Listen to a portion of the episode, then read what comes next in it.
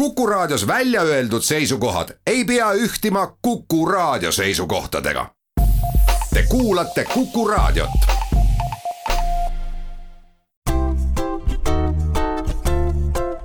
patsiendiminutid, Patsiendiminutid toob teieni Eesti Patsientide Liit. tere, hea Kuku kuulaja kevadine koroonaviiruse laine näitas äh, paljudele nende vaimset vormi ja isolatsioonis olles selgus, et ähm, kui inimene on enda hea sõber, siis oli tal päris tore hakkama saada. teisalt tuli välja, et osadel inimestel mõjus üksildus nii, et äh, tuju läks pahaks ja võib-olla tekkis ka ärevus praegu on just paras aeg asuda oma vaimu treenima, sest väidetavalt sügisel võiks äh, koroonaviirus taas äh, puhkeda ja, ja inimesed isolatsiooni jääda. räägimegi siis täna ühest võimalusest, kuidas olla iseenda hea sõber mina olen Kadri Tammepuu ja hea meel on tervitada saates psühholoog Helena Väljastet mittetulundusühingust Vaikuseminutid, tere Helena! tervist!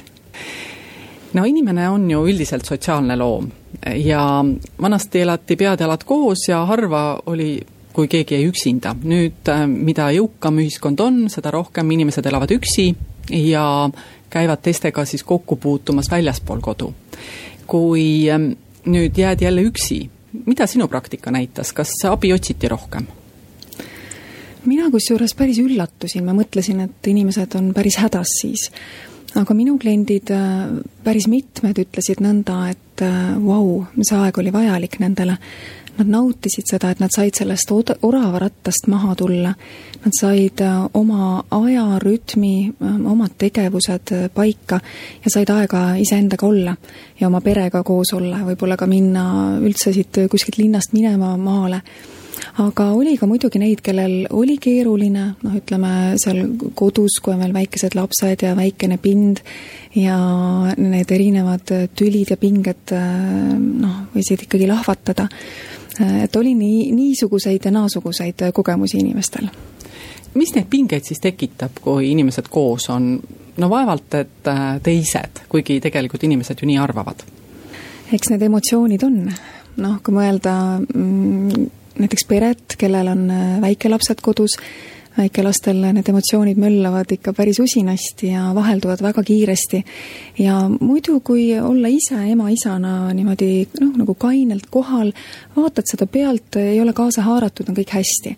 aga kui enda sees kerkib ka emotsioon noh, vihastud või pahandad või, või kuidagi muutud kurvaks, võtad seda südamesse, kuidas lapsed käituvad, et siis oled sina juba oma emotsiooni nii-öelda küüsis, selle ohver, ja käitud selle ajendil. nii et ähm, see on selline emotsioonide mäng, see tülitsemine aga kas sul selliseid ähm, kliente ka on, kes äh, noh, elavadki päris üksi ja nüüd, kui neil ei olnud enam võimalus äh, tööle minna igal hommikul või õue minna, siis hakkas neile tunduma, et nad ongi maailmas liiga üksi? minu praktikas selliseid kliente otseselt ei olnud.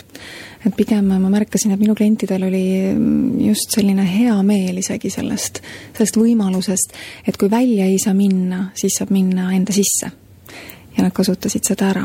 aga ilmselt ka seetõttu, et, et ma töötan vaimse tervise probleemide ennetuse valdkonnas rohkem, et väga palju kliendid tulevadki minu juurde siis, kui nendel veel väga suurt muret ei ole, nad soovivad, et nende elu oleks äh, parem.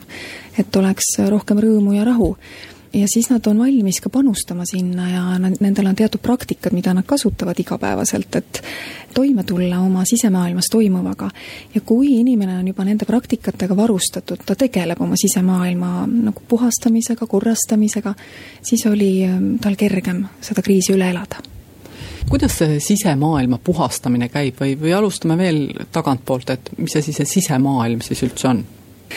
Ja no tänapäeva ühiskond ju selline on, et äh, meie tähelepanu on nii palju väljapoole suunatud, et isegi praegu sinuga vesteldes ma näen endal äh, sinu taga ühte te televiisorit ja, ja seal plingib midagi. ja see on väga pilkupüüdev ja väljaspool ringi käies need reklaamid ja see tohutu kiirus ja see kuidagi arusaam, et mida rohkem, seda parem, et see on meid ümbritsemas hetkel. ja see on võimeline meid väga kaasa viima, nii et meie tähelepanu ongi väga palju väljaspool meid endid. selle juures, mida me parasjagu teeme, mida me näeme, kuhu on vaja minna, mida on teha vaja ja keerulisem on seetõttu olla iseendaga koos ja märgata enda sisemaailmas toimuvat. no ja mis siin siis tavaliselt toimub? Kõige lihtsamad asjad, millega me absoluutselt igal hetkel koos oleme, on erinevad emotsioonid, mida me kogeme, erinevad mõtted, mis käivad peast läbi, erinevad sellised impulsid, kuidagi käituda, midagi teha. ka meie sisemaailma hulka kuulub ka meie tähelepanu, jah, et milline see tähelepanu kvaliteet on, kas ta vilab ringi, on ta püsiv näiteks kui üksi elada, siis tegelikult teleka vaatamine või isegi raadio kuulamine tähendab ju sedasama, et äh, tähelepanu on väljapoole suunatud no me ütleme selle kohta meelelahutus. ma kuulsin ükskord tabavat ütlus, et see on meelelahustus, et nagu lahustada oma meele ära ja et, et kui niimoodi tundide viisi jah, tõesti vaadata ekraani. ja mina olen ise praktiseerinud teadvelolekut ehk mindfulnessi, mis on praegu päris popp sõna ka siin Eestis juba kümme aastat. ja üks asi, kus ma näen, mul on raske jääda iseendaga kontakti, nii et ma tunnetan ennast, oma olemasolu, oma keha, oma hingamist, on see, kui ma olen arvuti taga. ja kui ma teen arvuti taga tööd, et siis ma võin üks hetk avastada, et oih, et mu tähelepanu on täiesti minust väljaspool. siin ekraani juures ma olen ära unustanud üldse enda olemasolu ja, ja siis ma saan jälle selle kontakti taastada. et võib-olla sellise paralleelina tuua, et väga palju äh, meie elust kulgeb nii, nagu me oleksime kinos jah, ja vaatame mingisugust täiesti vägevat kaasahaaravat filmi.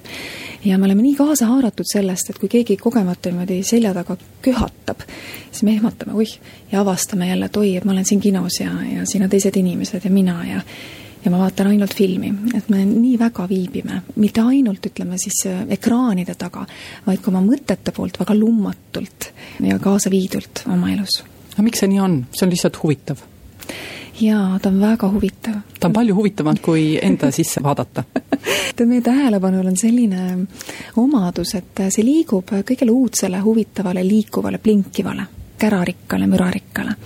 ja kuna mõtted on ka näiteks väga sellised muutuvad, liikuvad, vahelduvad või siis äh, uudistevoog, võib-olla kes vaatab Delfit, äh, uurib või, või Postimeest loeb või mida iganes, sa võid olla sellest nii kaasa viidud, sest see tundub nii põnev nüüd, kui ikkagi minna sellele tööle lähemale, mida sina inimestele õpetad, et äh, mis see siis täpsemalt on, kuidas siis ennast üles leida või kuidas siis selle mõtte peale üldse tulla, et äh, nüüd tasuks ennast otsima hakata? no inimesed jõuavad erineval ajal sinna erinevatel põhjustel, aga sageli kriisid ongi üks vallandaja, kus inimene võib-olla avastab, et ma ei tule päris hästi iseendaga toime või ma ei tule toime oma peresuhetega või lapsevanemana jään hätta või töö juures on stress nii üle kuhjunud, et enam ei ole hea olla. tavaliselt kriis on see koht, mis annab uued võimalused.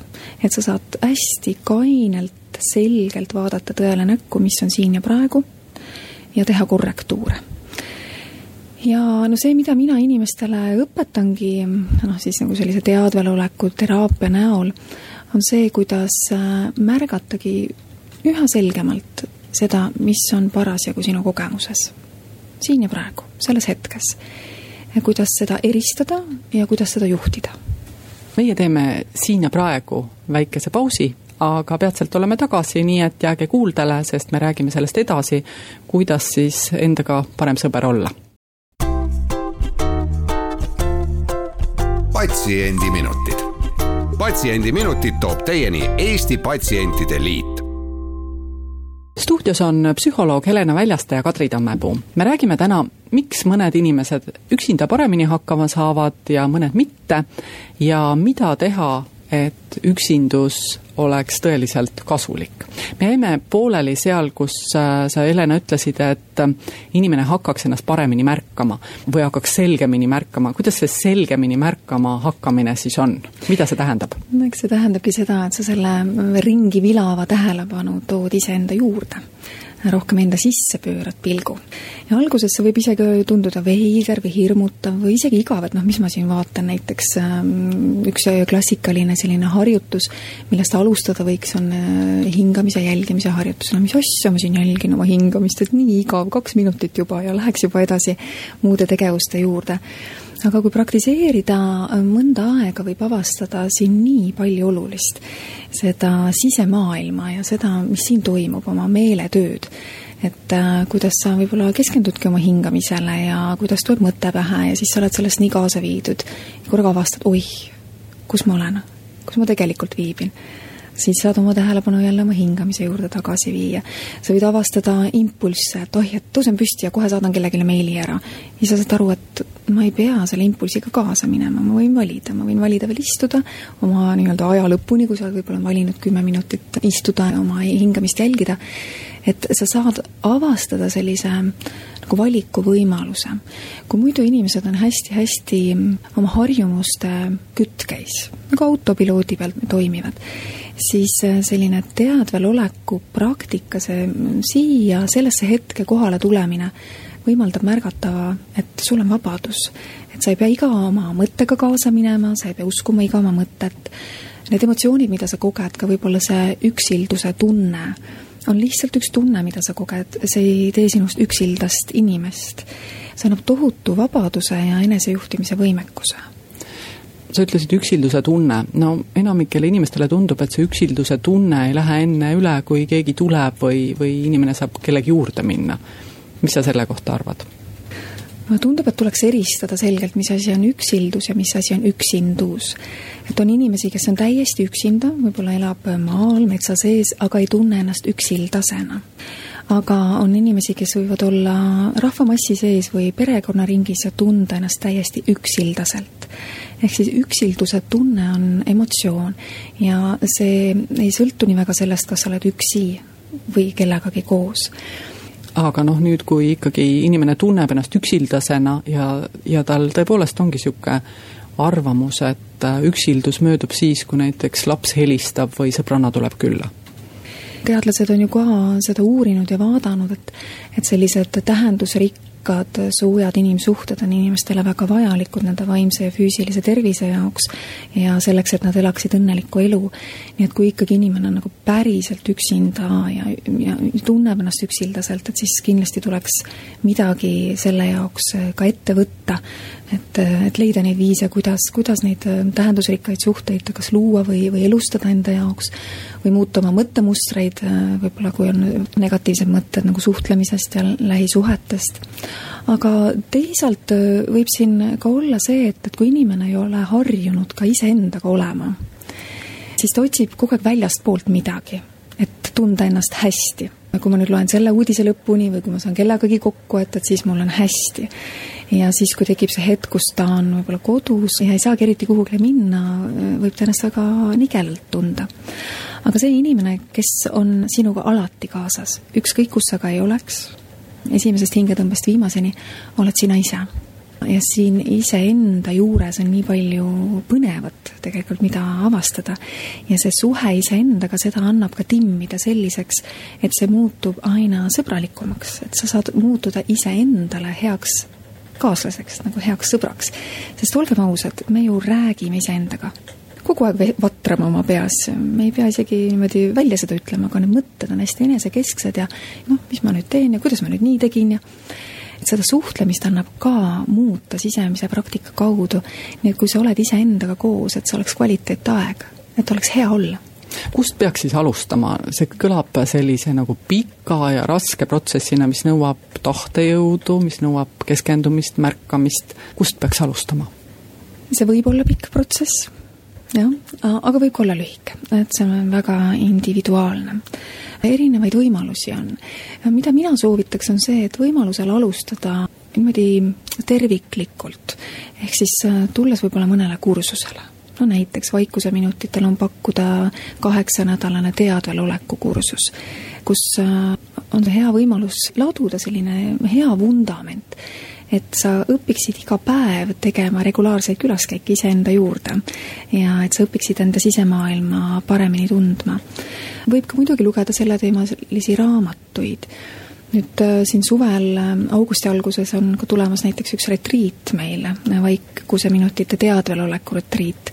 no see on ka üks hästi põnev võimalus, et äh, kuidas olla vaikuses ja äh, ollagi mõned päevad nii, et pööratagi pilk puhtalt sissepoole, märgata oma sisemaailmas toimuvat ja teha seda teistega koos aga mis see annab, et ma teen seda teistega koos, ma võiksin seda teha kodus üksinda ka? või äh, oskab siis juhendaja ikkagi näha minu sisse, et kas minu peas on põrgu või paradiis? no juhendatult on ikkagi palju lihtsam seda teed käia. ja kui sa oled teistega koos midagi sarnast tegemas, siis sul on julgem tunne vaadata veelgi sügavamale aga muidugi saab ka selliseid väikseid miniretriite teha igaüks ka kodus. ja ma olen kuulnud ähm, paljudelt inimestelt, kes on seda ette võtnud, et see on hästi rikastav äh, kogemus. no näiteks äh, otsustada üks päev viibida vaikuses, nii et sa ei kõnelegi kellegagi. sinu telefon ja nutiseadmed ja, ja arvutid, telekas on välja lülitatud, sa viibid iseendaga, võib-olla vahepeal jalutad võib-olla vahepeal istud, äh, vaatad aknast välja, vaatled toimuvat, äh, tunnetad oma hingamist, märkad oma mõtteid, lased asjadel settida. ja siis, äh, kui sa õhtul sellest välja tuled, siis sa võid avastada seda, kui palju on üleliigset müra meie igapäevases elus. kui palju on mõttetuid sõnu, mõttetuid tegevusi, tegelikult sellist nagu ajatäidet, mis ei olegi nii väga tähtis kui ma koroona ajal siin, kui meie olime siis oma perega kodused, ma avastasin, et nii palju langes ära ja oli rohkem sellist kodust olemist, eriti ju kuskil väljas ei saanud käia. ja ma vaatasin, et see kõik võib ära langeda. aga vaata, üks asi, mis hästi tugevnes minu puhul ja mida ma nägin, et vot see ei tohiks ära langeda, on just selline sisemine nagu vaimne praktika, et mul on näiteks kaks väikest last, et see tõi omajagu pingeid esile ja see oli minu viis, kuidas sellega hakkama saada. sest noh, sa võid ju hakkama saada ka sellega, et äh, võtad ja keerad äh, veinil korgi pealt või või keratad kellegi peale, eks. et eks meil kõigil omad toimetulekuviisid. kui nüüd ikkagi inimene alles alustab, siis väga tihti need tegevused sumbuvad ajas, mida sa soovitad, et kuidas ennast siis ikkagi pikemalt midagi tegemas hoida? Väga hea oleks kaaslaste tugi, et kui sa teed seda kellegagi koos, otsustad, et nüüd ma hakkan näiteks tegema sellist meeletreeningut kümme minutit päevas, seda ei ole palju. meil igaühel on ööpäevas tuhat nelisada nelikümmend minutit, et leida siis kümme minutit aega selle jaoks, et teha vaimselt trenni ja otsustada olla selles hästi järjepidev. selge, kas võiks olla ka mingi kindel kellaaeg?